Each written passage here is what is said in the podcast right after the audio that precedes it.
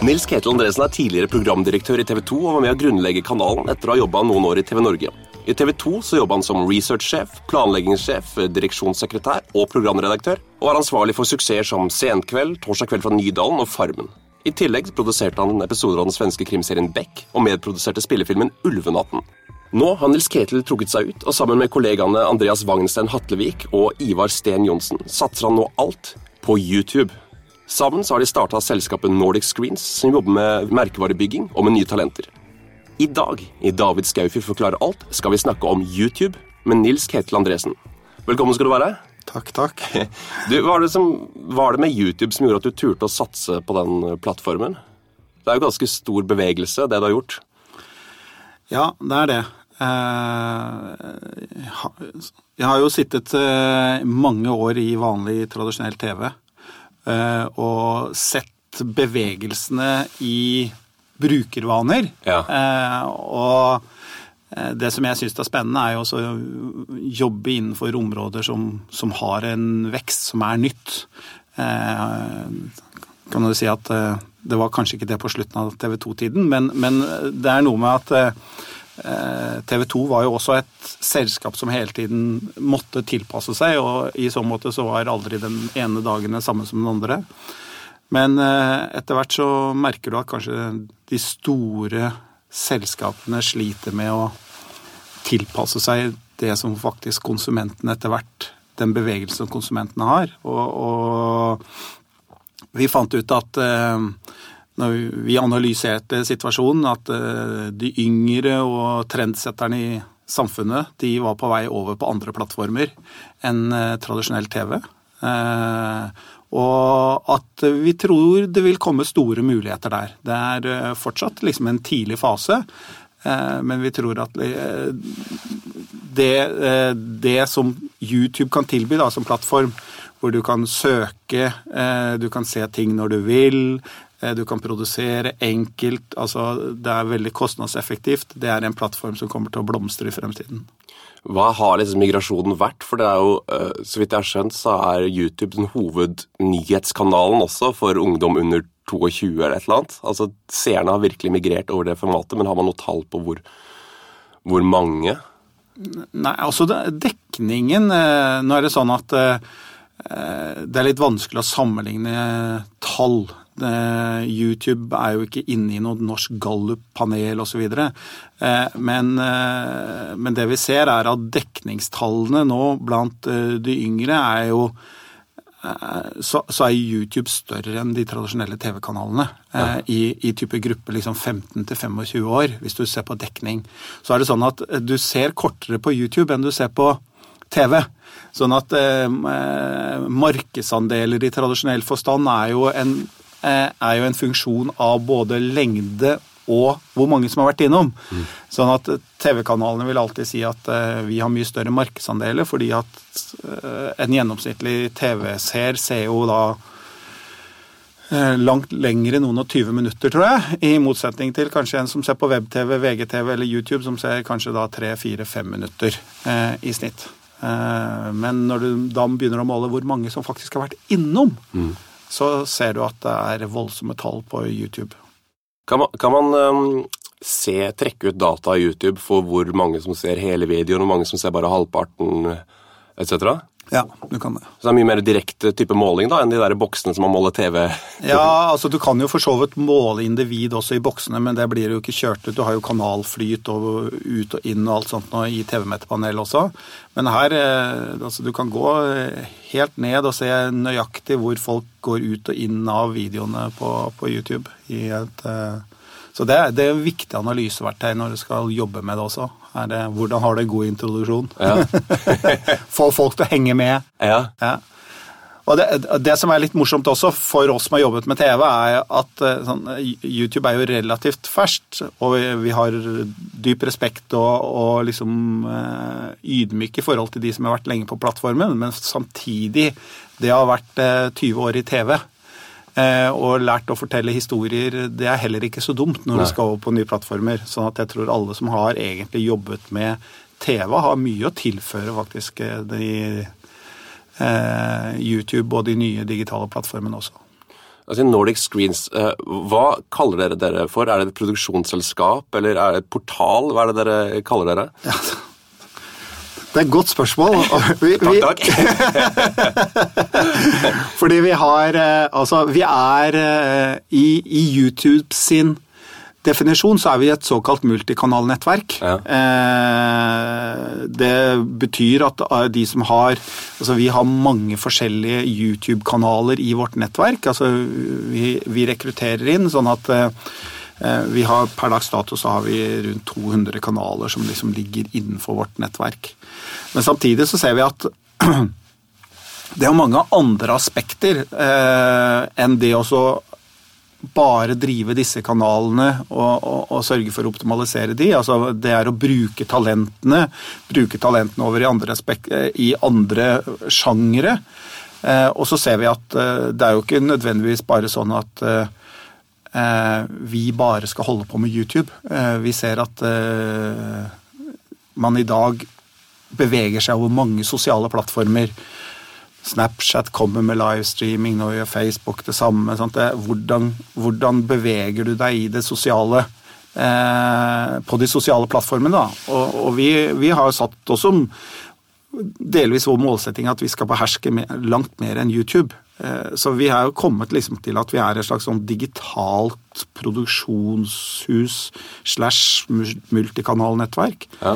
For eh, vi ser jo også at vi, vi jobber jo med tradisjonelle TV-kanaler. Altså vi hadde produsert Gullsnutten, vi har nå forprosjekter med NRK, jobber med TV Norge på noen prosjekter. altså, ja. Når man kommer opp til dere, så er det jo i Nydalen hvor dere holder til. Ja. Så er det veldig interessant. Første gang jeg var der, så var det en gjeng som satt og spilte jeg tror det nye Call of Duty dagen før det kom, eller noe sånt. Ja, riktig. Satt og spilte Det Det var en gjeng gamere som har sine egne kanaler hos dere, men disse ja. Let's Play-kanalene hvor de rett og slett spiller og kommenterer. Ja. Og produserer innhold. Uh, I tillegg så har dere da tilgang til flerkamerastudio, dere har en del utstyr. Ja. Uh, men er det, hvem er det som henger hos dere? Hvem er det som er disse innholdsleverandørene? Nei, det er, eh, det er ungdom som eh, har startet opp eh, for seg selv med egne kanaler, og som ønsker å søke et miljø. Og som ønsker for så vidt også å profesjonalisere sin drift, kunne snakke med andre som driver med det samme. Så er det sånn at eh, på YouTube så er altså Musikk er jo stort på YouTube. Den andre tingen som er eh, stort, er jo disse gamerne, eller let's playerne, sånt, som sitter og, og, spiller og har sitt talkshow ja. eh, mens man går spiller Minecraft eller Call of Duty eller alle andre spill. Eh, og, og som på mange andre områder så er det jo ofte unge gutter som er litt sånn trendsettere på en del ting. Eh, så de er liksom de som først har kommet inn og tatt i bruk plattformen med bl.a. spill som en av hovedmotorene.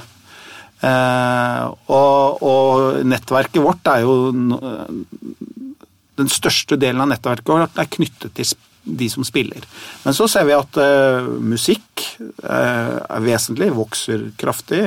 Vi ser at uh, jentene kommer med, har sine vlogger, motevlogger, treningsvlogger, alle de tingene der. At det kommer. og så ser du en del andre tradisjonelle områder på så mat, helse, alle de tingene der, ja. det, det, det kommer, og det er det som kommer til å vokse fremover. Sånn meg meganisjer, er det ikke det de kaller det for? ja, ja, ja, men altså det, og på lik linje som istedenfor at jeg skal da sitte og vente til onsdag 20.00 for å få se matprogrammet eller oppussingsprogrammet og få de tipsene jeg skal ha, så vil du se at dette type innhold kommer til å migrere over på en annen måte. Altså konsumet kommer til å være annerledes. Eh, jeg kommer ikke til å være skedulert styrt via lineær TV, men du ser at både annonsører og for så vidt produsenter at, vil skjønne etter hvert at dette er en veldig sånn grei plattform å ligge på, fordi at uh, du kan uh, Det er ikke bare det at uh, når du skal lage lammesteken, så kan du få kjempegode tips av verdens beste kokker eller hva det er, men du kan da også søke. Du ligger, du søker, det ligger i søkemotorer, du kan få tips, du kan få andre tips, du kan få anbefalinger, samtidig som du er da når du skal gjøre sånne ting. Så, ja. så plattformen tilbyr rett og slett en stor fleksibilitet i hvordan du kan konsumere innholdet. Og hvordan du kan bruke innholdet. Har annonsørene skjønt det enda, eller er de på vei til å skjønne at her bør de putte inn eh, noe penger eller noen produktplasseringer? Og hvor ligger pengene i YouTube hen? Nei, altså du har De største pengene i, YouTube i Norge per dags data ligger vel egentlig i den reklamen som går, hvor mange selskaper har laget eh, Bruker delvis TV-reklamene sine eh, og prøver etter hvert å tilpasse eh, reklamefilmene til å passe YouTube. Ja. Eller digitale plattformer, som jeg liker å si. da. Fordi at det å kommunisere på en lineær TV-kanal med en film er noe helt annet enn å kommunisere eh, på YouTube. Eh, som jeg pleier å si, at TV er fra én til mange. Eh, YouTube-plattformen tilbyr én-til-én kommunikasjon på en helt annen måte. Mye mer direkte. Hvis du ser alle som har suksess på på YouTube så snakker de direkte til deg. De er med deg, du er en kamerat, du abonnerer, du er liksom Det er en, det er en annen type dialog, da. Eh, men eh, Og det, det krever Det kommer etter hvert også til å kreve noe annet av annonsørene. De må skjønne, de må knekke den koden. Veldig få har knekt den koden ennå. Jeg bruker altså Red Bull som det beste eksempelet på en som virker, har knokket koden. da. Og det, det, går på at jeg tror at uh, det, du, det, du, ser, er at uh, de tradisjonelle mediene, uh, og ikke minst at en avis, hvor drastisk fallet på avis er Du ser at de yngre forlater tradisjonell TV. For annonsører som ønsker å, å kommunisere, vil få færre og færre store plattformer å kommunisere på. Så når de skal lansere, banker skal annonsere spareprodukter, eller Meny skal ha et eller annet eh, produkt ut av hyllene, så vil det være færre og færre store plattformer hvor du kan kommunisere. Eh, kommunikasjonen kommer til å være mye mer komplisert. Og du vil se at også veldig mange av disse redaksjonelle produktene vil ikke heller ha en økonomi etter hvert til å kunne produsere innhold på samme måte som tidligere. Fordi at annonsemengden går ned. For tradisjonelle TV så vil da budsjettene gå ned på programmene. Eh, så jeg tror at annonsøren etter hvert må si at hør her, hvordan skal vi kunne kommunisere våre verdier, vårt innhold, eh, til konsumenten direkte? Eh, og i så måte så tror jeg at mange av annonsørene vil gå over i innholdsproduksjon. Ja. Eh, da som sponsor og med produktplassering og sånn også? da? ja, produkt, og, og, ikke minst bare verdiplassering. Eh, de ønsker å være Hvis du ser Red Bull, da, som jeg nevnte innledningsvis, som, som du ser at det står Red Bull på hjelmen til og kanskje sykkelen til, og de holder kanskje en, en produktplassering, en, en, en sånn eh, boks med, med, Red Bull. Eh, men bortsett fra det så kommuniserer de verdi rundt sitt produkt. Ja. Adrenalin, friskhet, ja, alle de tingene der. Og på lik linje, Nå passer nok ikke dette her med alle annonsører, men på lik linje så tror jeg at eh, store eh, kommunikatører av selskaper de er nødt til å produsere innhold som forvalter disse verdiene. Da. Mm. Eh, annet enn de svære millionprofilannonsene som de har laget. Sant? Det, Telenor bruker alle mulige eller store beløp til å, å, kommunisere i massemedier hva de er, eller eh, Så tror jeg de må inn, og så må vi begynne å lage innhold, og så må de kommunisere direkte. Og så må de knytte direkte kontakt med forbrukerne. Og det er også det som YouTube tillater, fordi at der kan du som annonsør gå Der går du ikke via et avis eller en TV-kanal som du kjøper et produkt, men du går direkte til konsument. Og du kan få konsumenten til å abonnere direkte eh, på ditt produkt. Mm. Eh, og, og, i så måte så, så, så, vil du si at verdikjeden egentlig kommer til å løse seg opp, rett og slett. I hvert fall tradisjonelle. Den kommer til å ha langt mer eh, Eller færre ledd enn det de har hatt i dag. Da. Ja. ja. Ja, for Istedenfor å skyte med hagle, så skyter du da med en sniperrifle rett i panna på konsumenten. Å, altså, Jeg kan huske det tidlig i YouTube, i hvert fall i Norge. Jeg tror den var bedre i USA, men da før Google slo inn uh, AdSensen sin, så var det det at du kunne se en kul video, og så fikk du en reklame for kanskje Ladyshave først, som ikke treffer meg. Altså, det er bortkasta på meg, da. Mm. Men de betaler allikevel for å, for å se den. Men hvis de hadde klart å sende en Skjelett Mac 3 istedenfor der, så, så hadde de truffet bedre. da. Ja. Uh, og det er jo mye mer presist nå. Du ser jo hvordan um, Google bruker AdWords. For eksempel. jeg hadde en nettside tidligere hvor jeg, vi hadde, hadde annonser. Og idet jeg gikk over fra vanlige annonser til eh, Google AdWords, AdWords, så tok den liksom, den, den tok profilen til brukerne mine og profilen min og lagde et slags gjennomsnitt. Og reklamen da firedobla seg effektivitet med en gang. Ja. Det var ganske spesielt å se altså over natta. Ja. Nei, men det, det er klart det. Og, og, og spesielt da annonsører som nå etter hvert ønsker å treffe unge. Ja. Eh, hvordan du da kan treffe veldig presist her. Skal du gå på tradisjonell TV, sant, så treffer du jo bredt som bare det. Sant, det, det Flesteparten av de som ser på TV, er jo 50 år. Mhm. Eh, og har du da målgruppe 15-25 eller 20-30, så er det klart at du kan treffe de langt mer effektivt i andre medier enn å kjøre brett.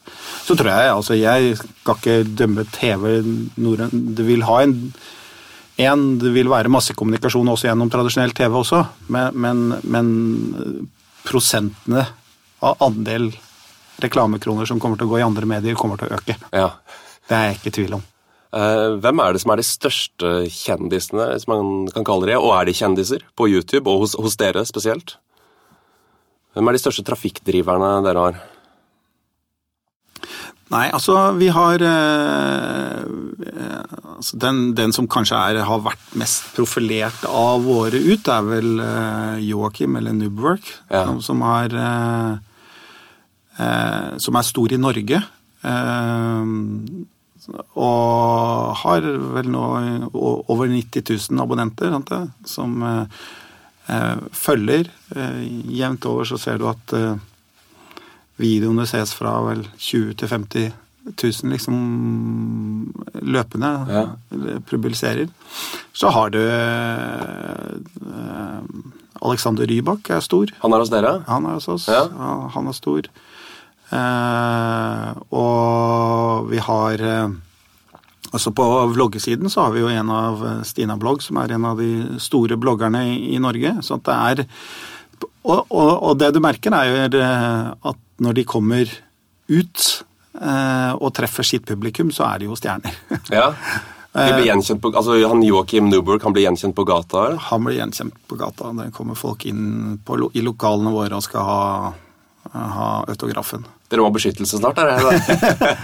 Jeg har fått 90 000 For å sette det i perspektiv, det er jo, hvor mye blir det? altså den dårlige hoderegning, men det blir sånn halvannen prosent av Norges befolkning, eller Det er i hvert fall en viss Ja, det er, ja. en, det er en liten kvote da, som er ganske presis av folk som ønsker å se akkurat det han tilbyr, Ja. og som ikke bare switcher forbi ved en tilfeldighet. ja og, som er, og det du har, er at de er fan.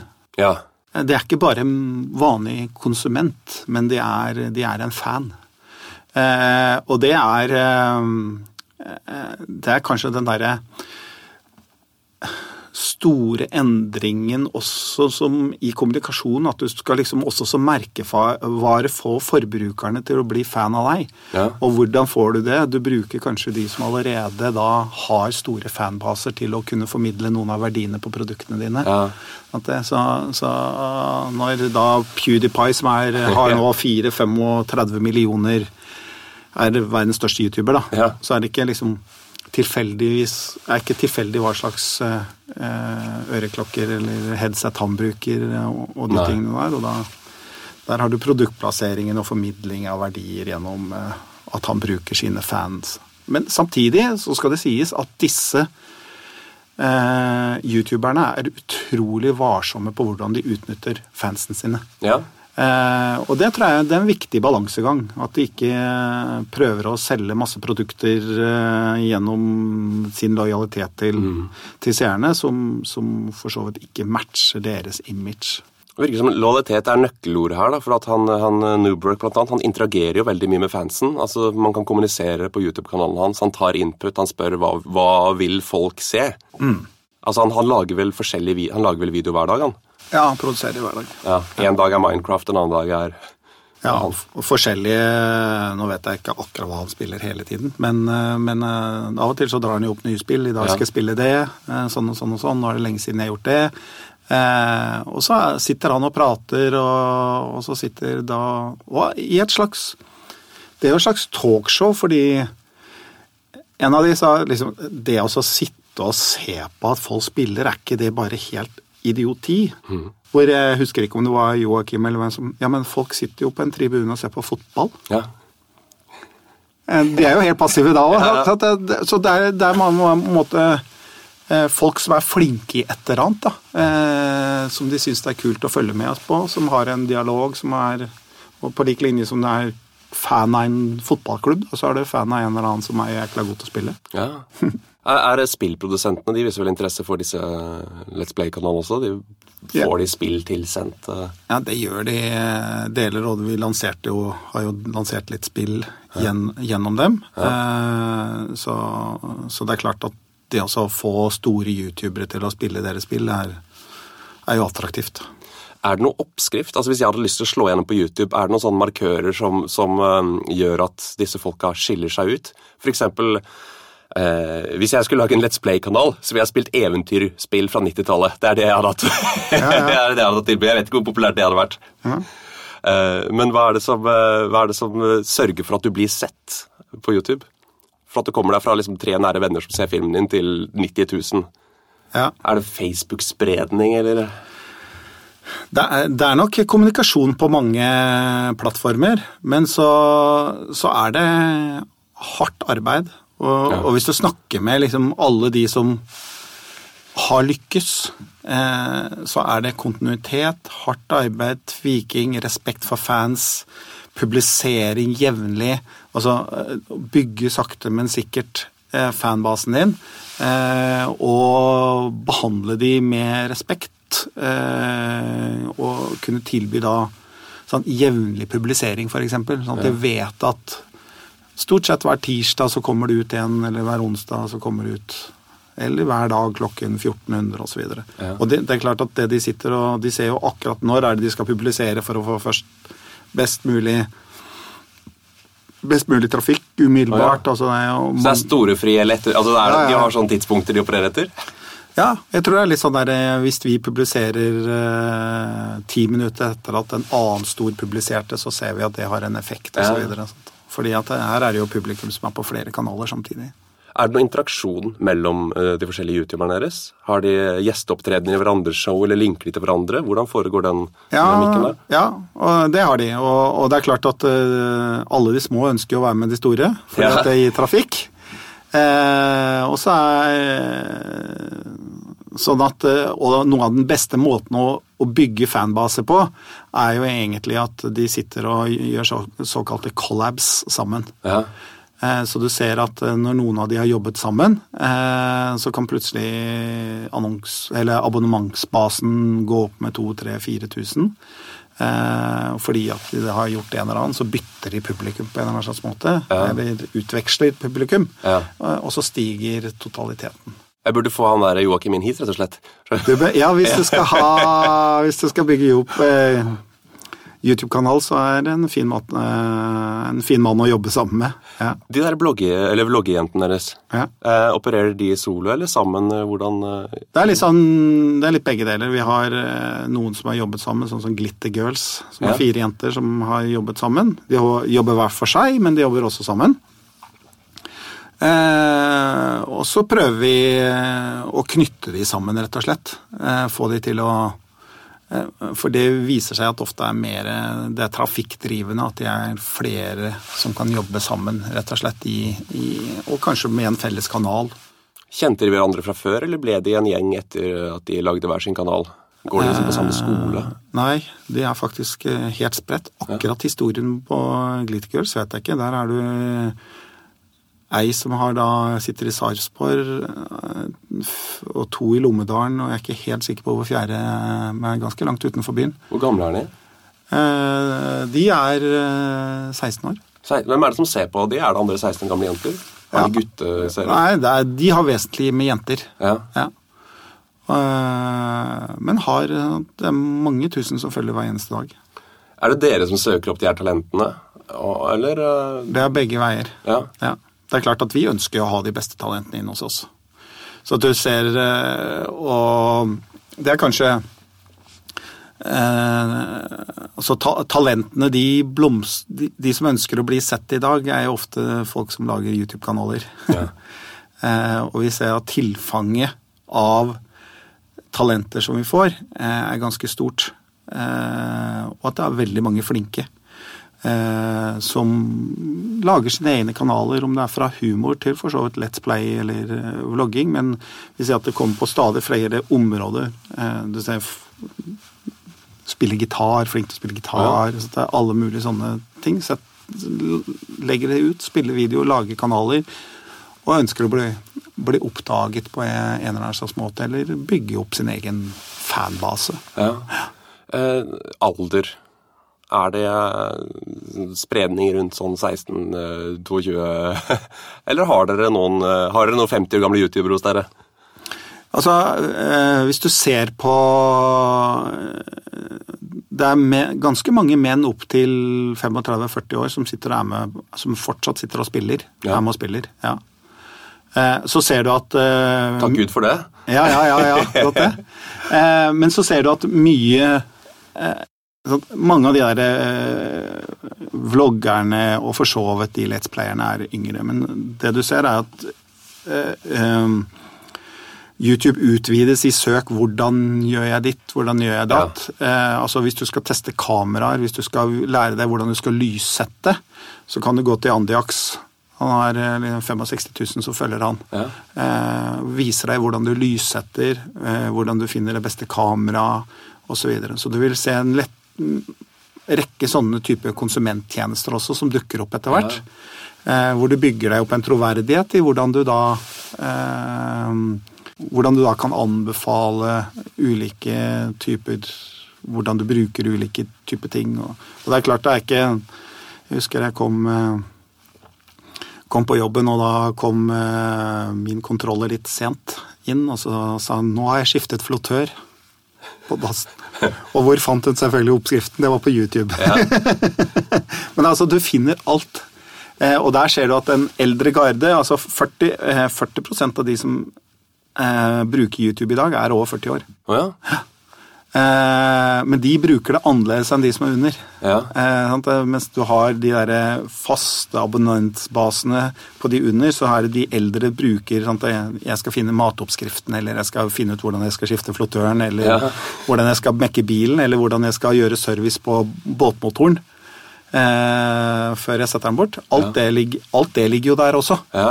Eh, alt er et potensielt marked, eller alt er en potensiell målgruppe? Ja, eh, og, og, det unike er jo da at eh, er du den som er den kanalen som er bygget opp på å være flinkest på båtmotorer, mm. så har du, en, har du, en, kjempemulighet til å bygge en lojalitet inn mot konsumenten eller mot forbrukeren, ja. hvis du er flink til å gjøre det. Fordi at vi vet, vet at YouTube er verdens nest største søkemotor etter Google. Ja. De er eid av samme selskap og, og utveksler. Sånn at Eh, det å bare kunne være flink til å ligge i søk, vil gjøre at du kan da bygge deg opp en lojalitet blant eh, konsumentene. Når det gjelder produksjon, så er det, du, du sier jo det at det er, det er en forholdsvis eh, lettvint produksjonsmodell. altså Du har folk som sitter med omtrent webkameraet sitt og snakker til det man trenger ikke enorme krav til lyssetting eller eh, studioer eller eh, lokasjoner. Mm. Men samtidig så, så, så, blir det jo mer og mer av drama- og humorproduksjon, som da er litt tyngre produksjoner, ja. på YouTube. Er det, er det, noen som gjør denne type produksjoner hos dere, og hva tror du fremtiden for, for dette er? Jeg tror at alle sjangere etter hvert kommer til å komme over på den plattformen ja. på en eller annen slags måte. Eh, utfordringen er finansiering. Ja. Eh, hvordan det å få Det å få selskaper til å være med å kjøpe reklame sånn at det er mulig å finansiere. Eh, men det kommer til å komme etter hvert som trafikken øker, er jeg helt overbevist om. Ja. Vi har vi har jo et eh, nå forprosjekt på humor gående sammen med NRK. Ja. Eh, som, eh, hvor man ser for seg at man kan da kanskje stegvis lage først web-TV-serie, så ser man at talentet kan gå videre til tradisjonell TV. Mm. Eh, så det er en fantastisk base å teste ut nye talenter i enkle formater, som så kanskje kan bli eh, utvides til enda bedre YouTube-formater eller TV-formater, eller lages til Netflix-serier eller andre betalingsmodelløsninger. Tror du de også istedenfor å migrere til TV og migrere til Netflix, rett og slett kan få større YouTube-produksjoner? At det er en mulighet? De... Ja, jeg, jeg, tror altså Når de store, og det, det ser du jo nå Jeg sitter jo og leser mye av de amerikanske, eh, som, hvem som går inn med penger. Så ser du at store kleskjeder etter hvert går inn, de lager hele serier av forskjellige ting. Du kan ha restaurantkjeder som lager komedie som er satt i restauranten. Oh. ja, men altså, du, du, vil, du, vil, få den type ja. eh, og, og, det er klart at eh, Den andre tingen som vi ikke har nevnt, er jo at eh, det for Starbucks, da, som er internasjonale, eller andre internasjonale merker, så er det jo sånn at ok, dette, dette type innholdet kan du jo lage og legge på YouTube, og det er internasjonalt. Ja. Altså, du kan broadcaste i er det nå, noen og 90 land, i hvert fall, som uh, umiddelbart kan plukke opp. Ja. Så, så, for store merkevarer så er det jo også en unik mulighet til også å kunne jobbe på en internasjonal plattform. Ja. Samtidig så er det, det sånn som han som jobbet da med testing av uh, av kameraer og belysning og sånt. Han jobber jo på engelsk, selv om han er norsk. Han jobber på engelsk og har stor seerskare i USA. Ja. Sånn for deg som talent også, hvis du har et spesial nisje, godt område, så er jo hele verden ligger jo der åpen også for deg. Ja. Det er sånn, Selv om du bare treffer én promille av internett, så er det allikevel noen millioner folk. ja, det er faktisk det. Eh, så man kan i teorien liksom produsere en, en sitcom for Starbucks på Starbucks. Ja. Eh, den NRK-humorserien eh, dere holder på å lage, hva slags format er det? Er det sketsjeshow, eller er det det er i utgangspunktet uh, lage sketsjer, ja. ja. ja. Så liksom jobbe med Det vi har, er, liksom, det er et slags sånn humorakademi, da. Ja. Og, så, og, så, har vi samlet uh, ulike miljøer som uh, jobber, og så skal vi samarbeide med NRK og jobbe opp disse, og så se hvem som da vi tror vi kan dra videre etter hvert inn i andre formater igjen. Kjempemulighet for unge talenter å kunne vise seg fram. Dere gjorde akkurat et awardshow. Ja. Eh, som ble da sendt på tradisjonelle medier. Ja. Du kan fortelle litt om det? Hvordan det gikk seg til? Ja, altså eh, Jeg var jo en gang med å eh, startet Gullruten. Ja. Eh, og for så vidt uh, Gullfiske den gang i tiden i TV Norge. Liksom sånn, mye gull i fortida. Nei, i TV 2, mener jeg. Ja, det er mye. Uh, og det er, det er, jo liksom også å etablere noen stolper grupper eh, som ble en referanse eh, for, eh, for, de som produserer, da. Mm.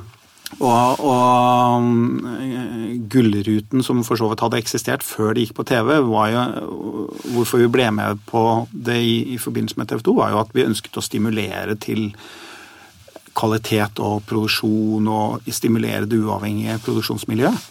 Eh, og det var for så vidt akkurat det samme som vi tenkte når vi skulle nå snart eh, Gullsnutten. Var at eh, ok, la oss etablere noe som blir en slags standard for å utvikle en bransje som kommer til å komme. Eh, la oss eh, ta og hedre de som vi mener er best, og hvordan vi da etter hvert skal eh, få de til å bli flinkere og sette en, en, ny standard hvor de kan konkurrere i en slags kvalitet. da.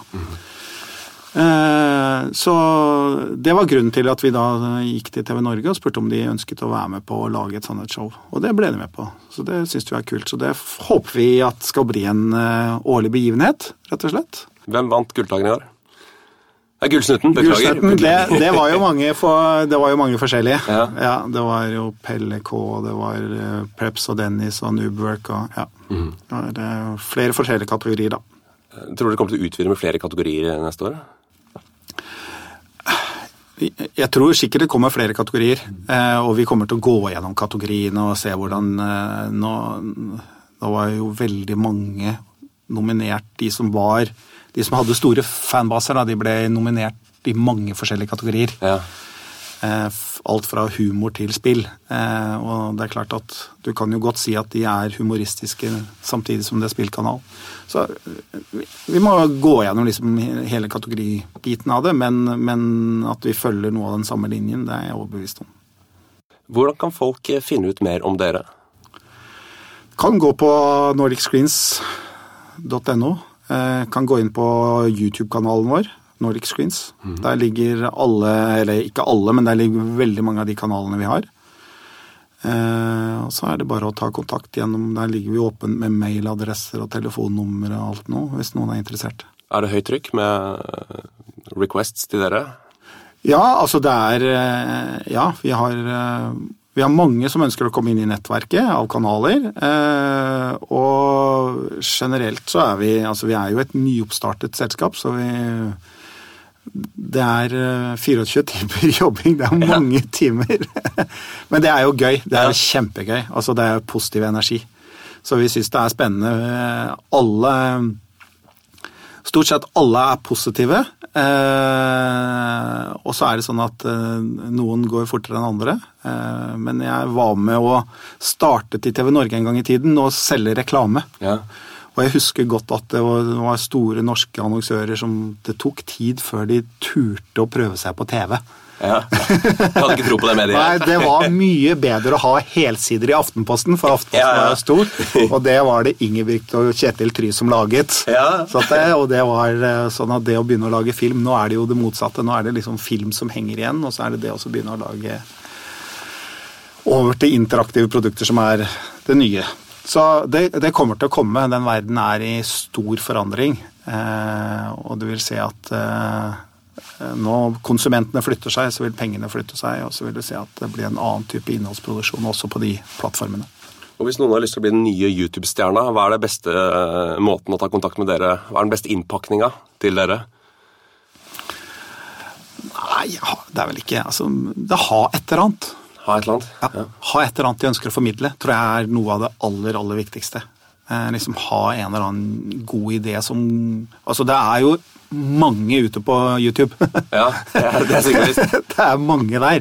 Sånn at det å altså virkelig ha et eller annet du ønsker å formidle, eh, det, å, det er viktig. Det er kanskje viktigere å ha noe man ønsker å formidle, enn å ha et ønske om å bli kjent? Ja, det tror jeg. Og jeg tror nok det å ønske, og for så vidt ønske å bli kjent, eh, er viktig, fordi at det er jo alle Det der kjenner jo en som programleder osv. Altså at du må ha noe av den driven. Men ja. hvis du ikke har noe å formidle, og bare ønsker å bli kjent, så faller det fort igjennom. Eh, så, så det å ha et eller annet å formidle, som, som, og at du er villig til å jobbe hardt for det. Dedikasjon. Takk for at du kunne komme. Bare hyggelig, det. Denne podkasten blir produsert av både og radiobyrå med Charlotte Trolin bak spakene. Podkasten presenteres av filtermagasin.no, som er Norges definitivt beste nettsted for film, TV og streamingtips. Vi høres neste uke. Takk skal du ha.